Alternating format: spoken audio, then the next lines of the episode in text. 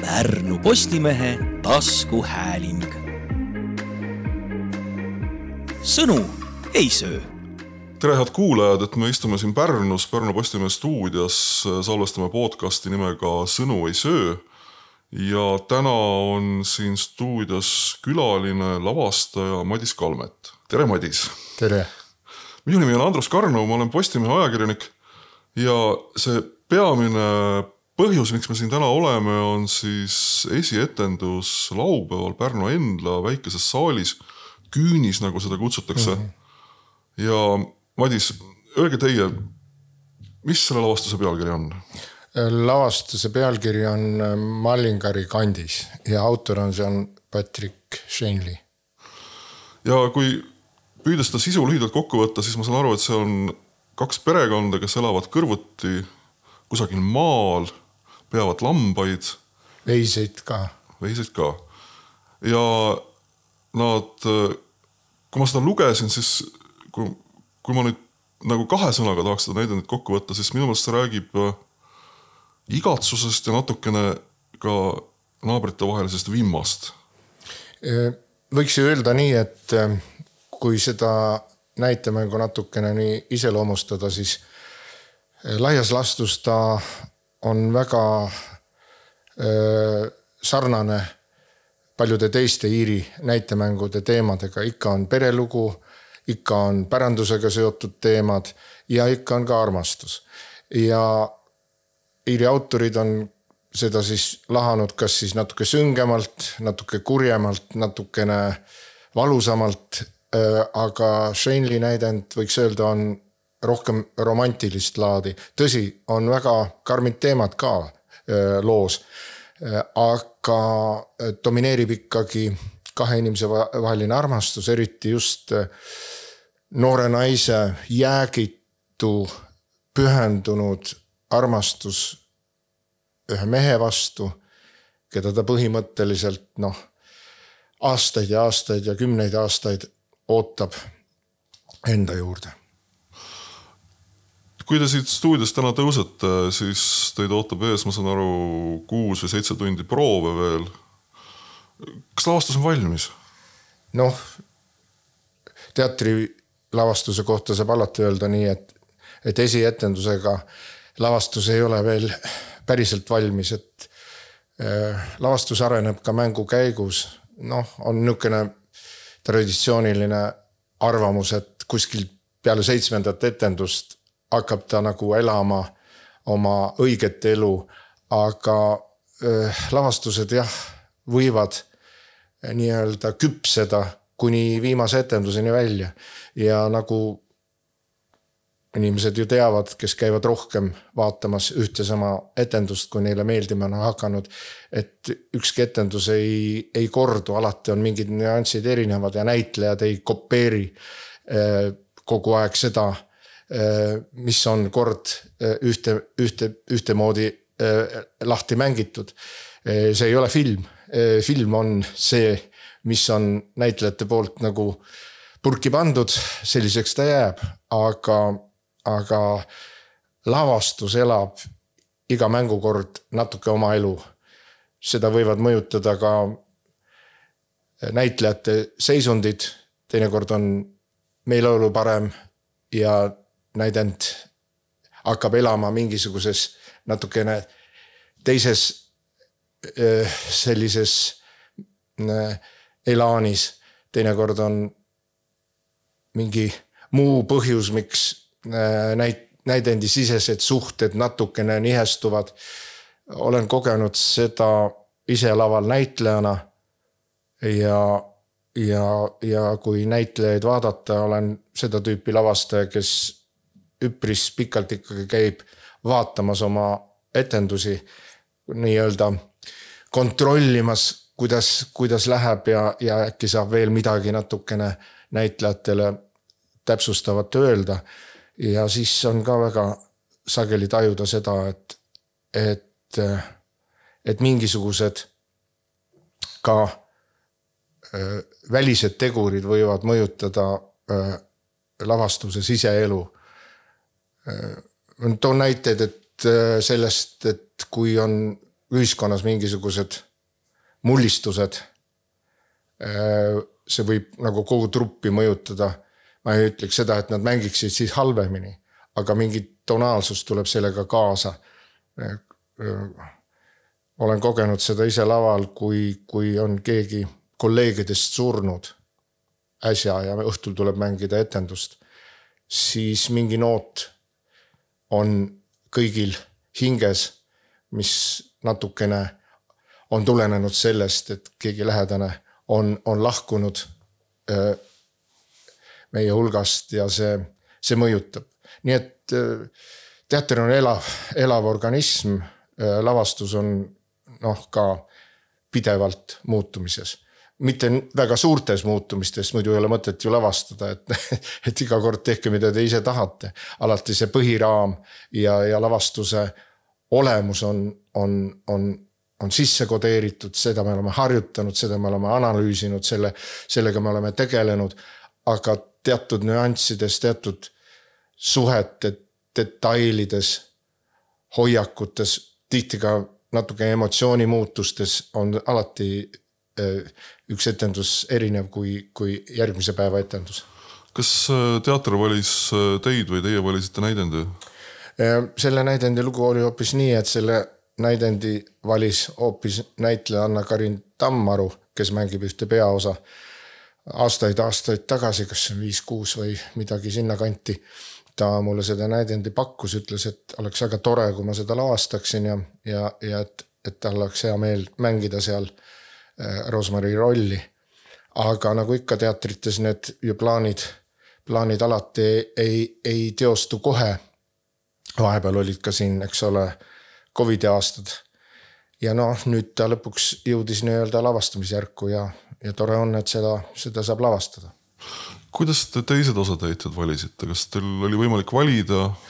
üldiselt ikkagi jah, teatrid võimaldavad äh, lavastajal selles, selles kontekstis, mis näitlejad parasjagu vabad on või keda on võimalik valida, ikkagi ei ole peale sunnitud äh, näitleja valikuid, vaid, vaid ikka lavastaja võtab nende hulgast, keda ta õigeks peab või keda ta selle rolli jaoks sobivaks peab. Sten Karpov, Jaan Rekkor ja Karmen Mikiver on kolm ülejäänud osatäitjat.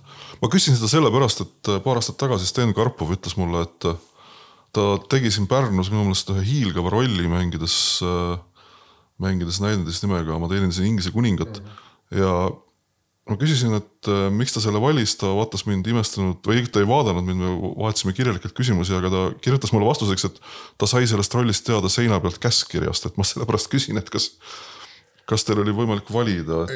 ja no näitleja võib, võib üllatuda küll, kui ta korraga kuuleb, et jah tuleb külalisena lavastama see ja see ja see ja kui lavastaja ei ole ise, ta on teinud valiku, ta on teatanud peanäitleja juhile, et ma tahaks seda näitlejat teie teatris, seda ja seda ja võib-olla külalist veel kuskilt teisest teatrist kasutada, kas on see võimalik? peanäitleja juht ütleb, et jah, vot see valik on võimalik ja nii ta lähebki siis nii-öelda käskkirjana seinale ja et näitlejatele võib mõnikord olla üllatus, kui lavastaja ei ole ise helistanud ja öelnud, kas, kuidas, mis sa arvad, kas sa tahad minuga seda lugu teha. aga ma siiski ei ole kunagi oma näitlejaid üllatuse ette seadnud, sest ma tahaks ikkagi isiklikult ennem läbi rääkida ja küsida, et kui näitleja ütleb, et jah, okei okay,, ma loen seda lugu. ja kui ta ütleb selle peale, et see päriselt mind ei, ei, ei kõneta, siis on ka lavastajal kohe teada, et, et ma äh, saan ta, jätan ta pigem vabaks, kuna ta ei ole siis ilmselt sada protsenti ka proovides minuga ühel lainel. kui talle see lugu ei, ei istu. mis see lavastaja töö teie jaoks on, on teil mingi põhimõte või arusaam, kuidas te seda alati teete? noh, eks see lavastaja, noh spetsiifika ja kui seda tööks nimetada, eks ta ikkagi ka töö on, teisest küljest ta ikkagi on ka nii-öelda loominguline töö, et äh, lavastamine hakkab ikkagi sellest materjalist ja, ja kui palju tuleb ennem noh, lugeda erinevaid näidendeid, kui korraga miski asi ühes või teises loos hakkab nagu äh, mõjuma. Ja siis tulebki see valik, et, et päris nagu mustalt lavastaja ei võta, et okei okay,, öeldakse, et siin on üks näidend. tee ära. ja lavastaja ütleb okei okay,, teen ära, siis hakkan alles lugema seda ja lööme käed teatri peanäitjuhiga ja ükskõik mis asi ma olen võimeline seda ära tegema. mind peab miski asi puudutama, ma pean, ma, ma pean saama nagu mingisuguse sisemise nägemuse või, või, või, või mingisuguse mingi impulsi või nagu mingisuguse kaemuse või, või mingi, mingi. see võib olla tihti ka mingi visuaalne öö, pilt, mis nagu hakkab, hakkab nagu kumama sellest loost ja see ongi siis see konks millega ma no, saan näitlejate juurde minna või on see mingi vaimne ja mõtteline eh, oluline teema loos, mis, mis, mis haagib ja, ja, ja siis on nagu ka võimalus seda hakata näitlejate kaudu arendama. aga kui ta jätab ükskõikseks, siis ei ole mõtet teha ühte või teist näidendit. seda, mis selles loos Karin Tammarut eh, haakis, seda ilmselt näeb õige pea laval, aga mis teid haakis? no võib-olla, võib-olla see, et, et ta on äh,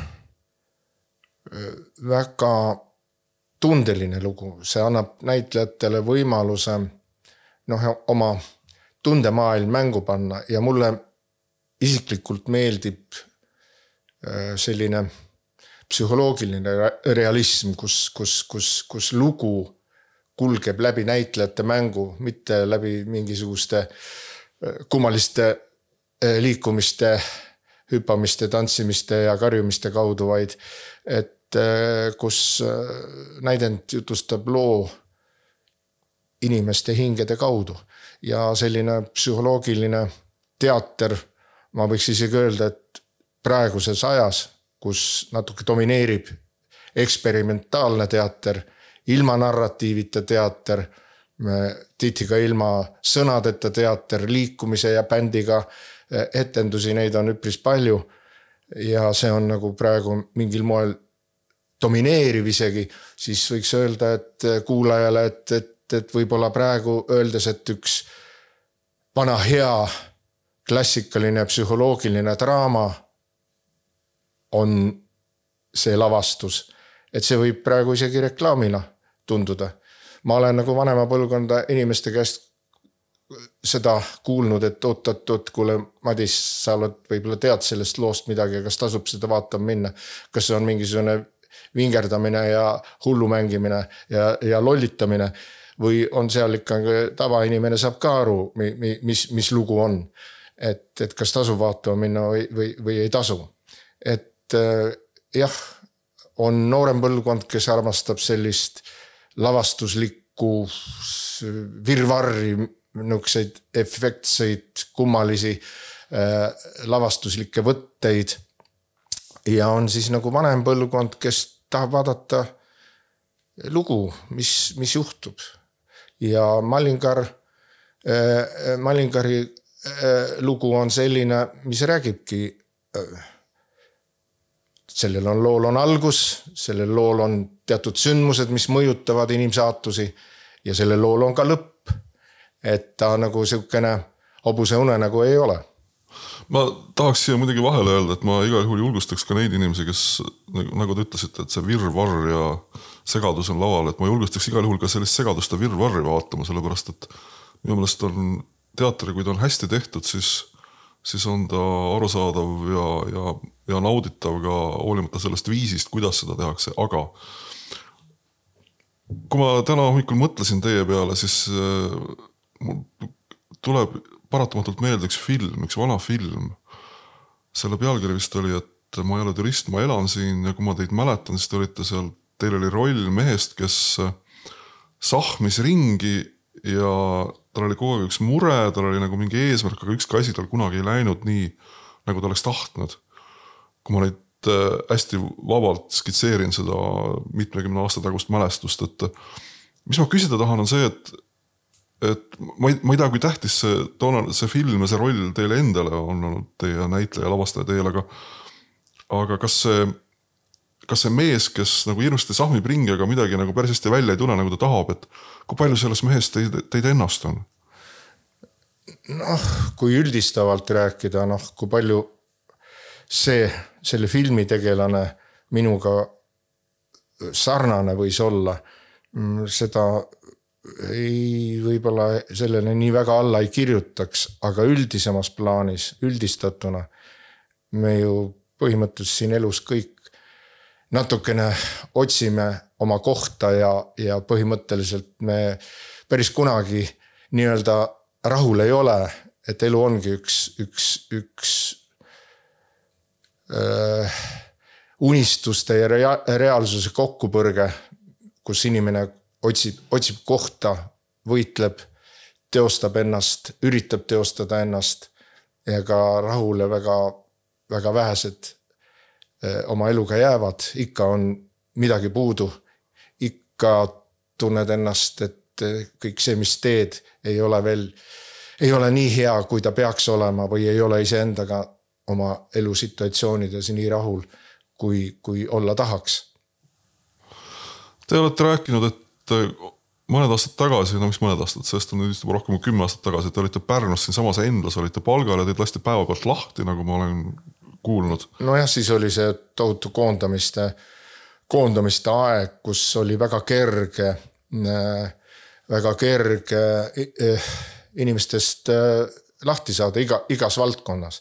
piisas ainult ühest paberist, kuhu, kuhu, et, et nii-öelda koondatakse ja, ja, ja isegi sa ei pruukinud sinna alla kirjutada, siis kutsuti keegi tunnistaja, kes kirjutas alla, et see on nii-öelda ametlik. nii inetult käis see see? ja üldiselt käis, aga kõikides valdkondades, ega see ei olnud ainult teatris.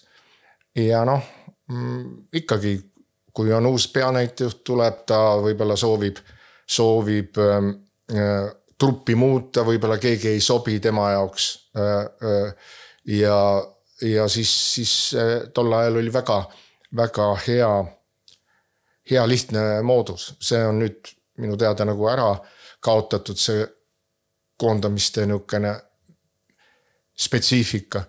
ja praegu on võib-olla see pendel teises otsas, kus näitlejatel on nii-öelda tähtajatud lepingud. ja see võib tähendada seda, et kui mõni näitleja on tõesti juba nii-öelda päris endaga kinni jooksnud või, või, või, või, või ta ei ela enam sellist loomingulist, ta ei sära enam nii, kui, kui, kui võib-olla noorpõlves, siis noh, midagi enne bensile, bensiikka jõudmist ei ole võimalik ette võtta, et, et tihti on ka selle tõttu natukene sellist, sellist ballasti teatrites.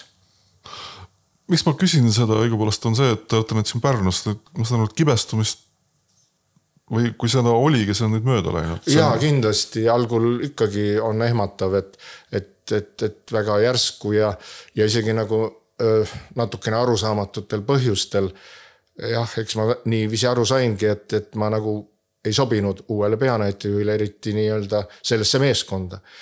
aga põhjuseks ja sellepärast tuli ka kerge pettumus, et ja, ja, ja, ja solvumus et need tööd või need lavastused, mis ma siin olin teinud, eh, olid kõik väga, väga õnnestunud, vähemalt publiku ja kriitiku arvates, et, et siis nagu see oli nagu ootamatu, tavaliselt on ju võimalik, et kui inimesel ei tule midagi välja, tulevad halvad, halvad lavastused või, või rollid ei õnnestu, noh siis üritatakse, üritatakse asendada kedagi teatrisse võtta uut uut lavastajat või uut näitlejat, aga see oli natuke üllatav, aga, aga ei, see ei ole minule nii-öelda hinge jäänud. elu läheb edasi ja tööd õnneks jätkus ja.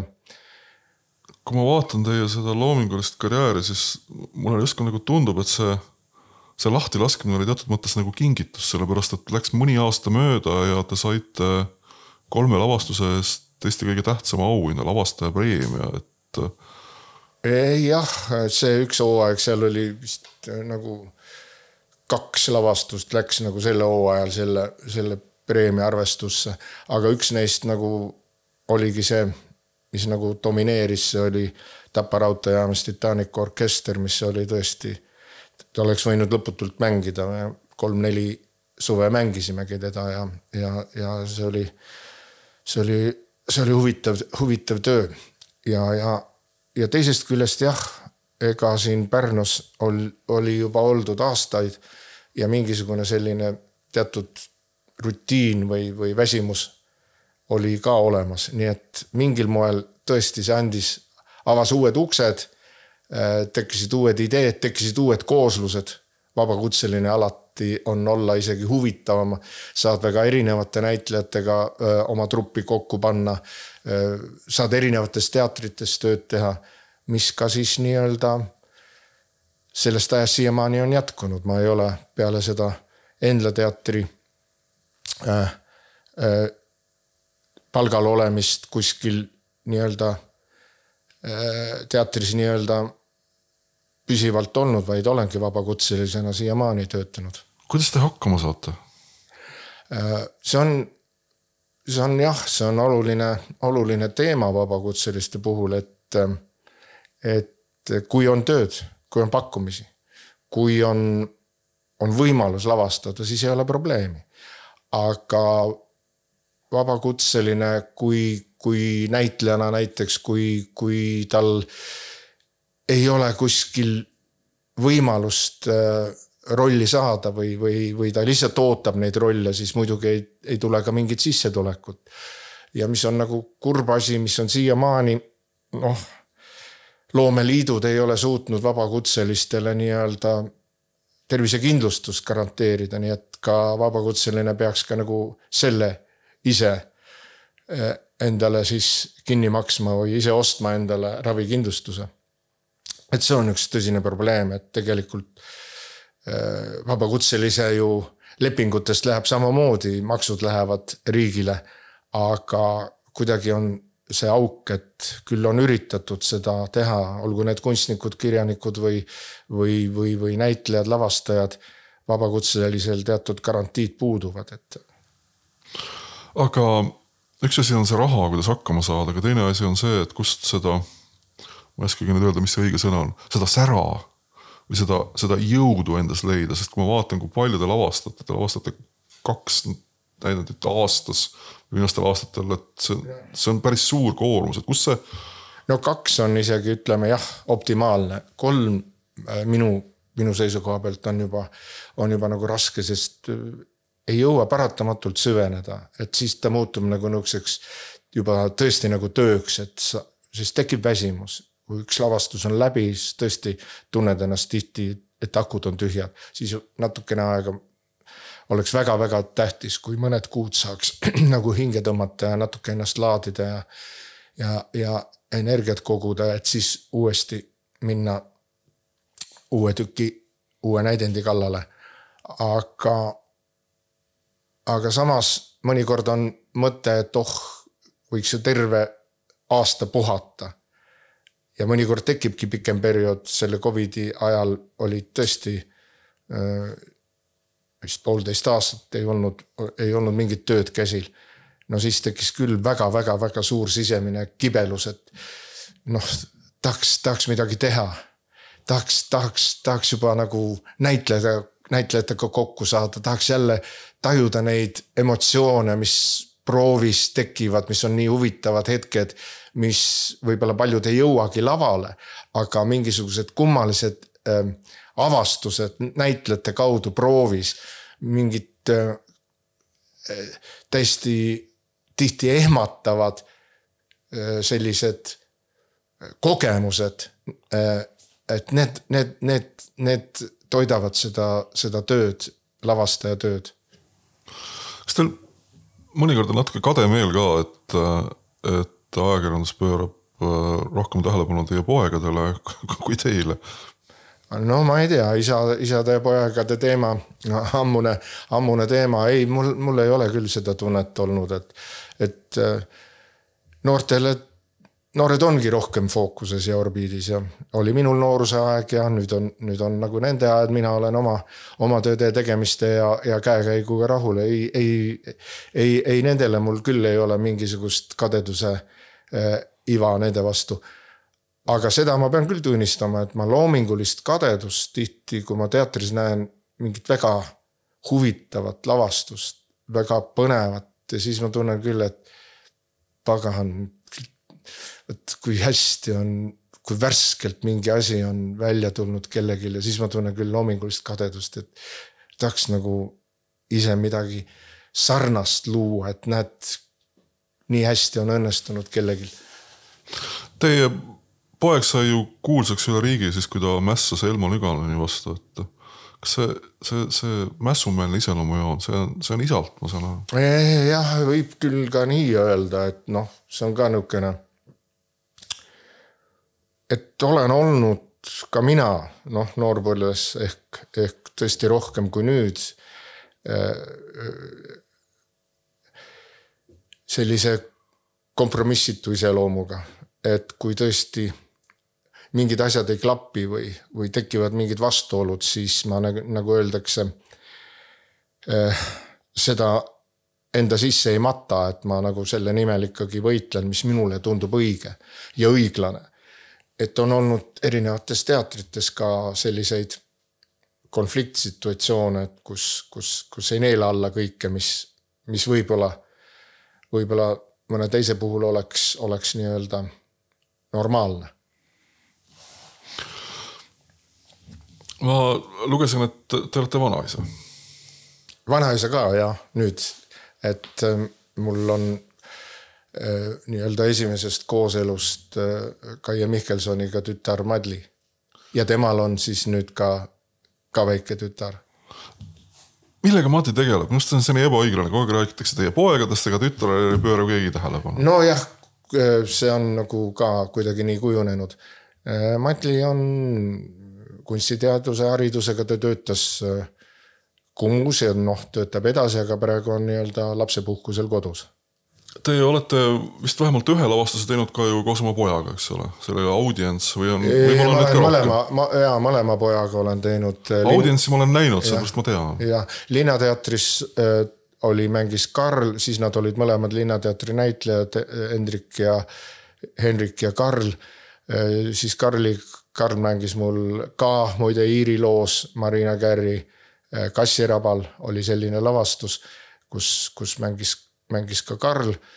ja, ja Hendrikuga olen teinud kaks lavastust, äh, kus ta on mänginud, üks oli Jäneda, kui mängisime Tiit Aleksejevi Imed aastat, see oli nii-öelda neljakümne neljanda aasta sündmused äh,. Äh, nii-öelda Eesti Leegioni Leegioni peegeldustega lugu, kus mängis Hendrik ühte, ühte sellist rindelt kõrvale jäänud legionäri ohvitseri. ja siis muidugi audientsis ka. aga noh, need on olnud, audients on iseenesest niisugune natukene teist laadi materjal, kui, kui mind noh mis mul tavapäraselt on olnud lavastamisel. et. Äh, no selles mõttes, et, et see on ju hästi, see ei ole perekonnalugu või armastuse lugu, aga ikkagi see on kahe mehe omavaheline duell, et. jah, ta on, ta on nihukene, ta põrkub nagu sellisest üldinimlikust nagu, äh, nagu inimeste sotsiaalsetest rollidest äh, ühiskonnas. ja, ja tõepoolest seal nagu võib nii väga lihtsustatult öeldes, et kui üks on seal teatrijuht ja lavastaja, kuidas tema rabeleb ja kannatab ja üritab oma asja võimalikult äh, hästi teha. ja teine on nii-öelda ametniku hing. kes kelle, üritab ka oma asju võimalikult hästi. kes üritab ise oma asju ka äärmiselt punktuaalselt, äärmiselt nii-öelda pedantselt teha, kuid kelles nagu on surnud või kelles nagu hingitseb Äh, nihukene loomingulisuse iha või ta imetleb just seda teist poolt, et, et kaks, kaks nagu maailma põrkuvad. Ja kaks nagu maailmavaadet, üks nii-öelda kantseliitlik ja, ja nii-öelda raamistatud silmaklappidega maailm ja teine pool, kus noh, kus nagu ei ole raame. et loomis on, loomingus on kõik võimalik ja ka, ja lubatud. see on nagu teatriinimese igapäev. jah mingil moel küll. aga noh, seal on võimendatakse seda nii-öelda neid teemasid, keeratakse vint peale žanriliselt selle tõttu, et ka neid nii-öelda mõnuaineid tarbitakse. ja ka see ei ole ju mingi saladus, et, et, et mitte ainult nii-öelda kuskil teatud ringkondades liiguvad ained, mis nagu annavad nii-öelda me meeleolule hoogu juurde. et seda on erine-, ka, ka teatrimaailmas on seda esinenud. no Pärnu Endla on nüüd üle kogu riigi kuulus nende ainete poolest. nojah, ütleme müts maha Märt Avandi ees, kes nagu avas enda kaudu selle saladuse, et ta on äh, tarvitanud narkootikume ja, ja ma arvan, et väga paljud ehk nii, nii julged ei ole. ja see on ikkagi natukene saladusloori all ja lihtsalt võivad võib-olla mõned sõbrad-tuttavad aimata, et, et, et üks või teine natukene kasutab mingeid, mingeid, ka mingit dopingut. aga kas see on niimoodi, et, et pits konjakit või siis äh, ka mingit äh, muud narkootikumi, et see tegelikult äh, võtab laval näitlejalt rohkem, kui, kui annab?